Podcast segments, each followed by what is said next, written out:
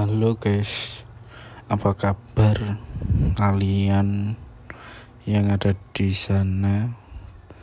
Sudahkah kamu hari ini makan dan mandi?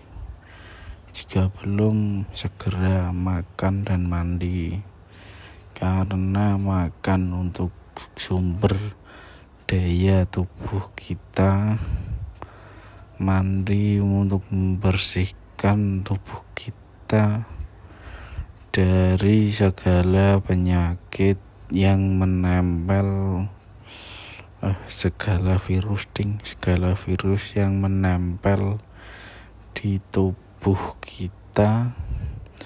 Makanya kita harus mandi menggunakan sabun.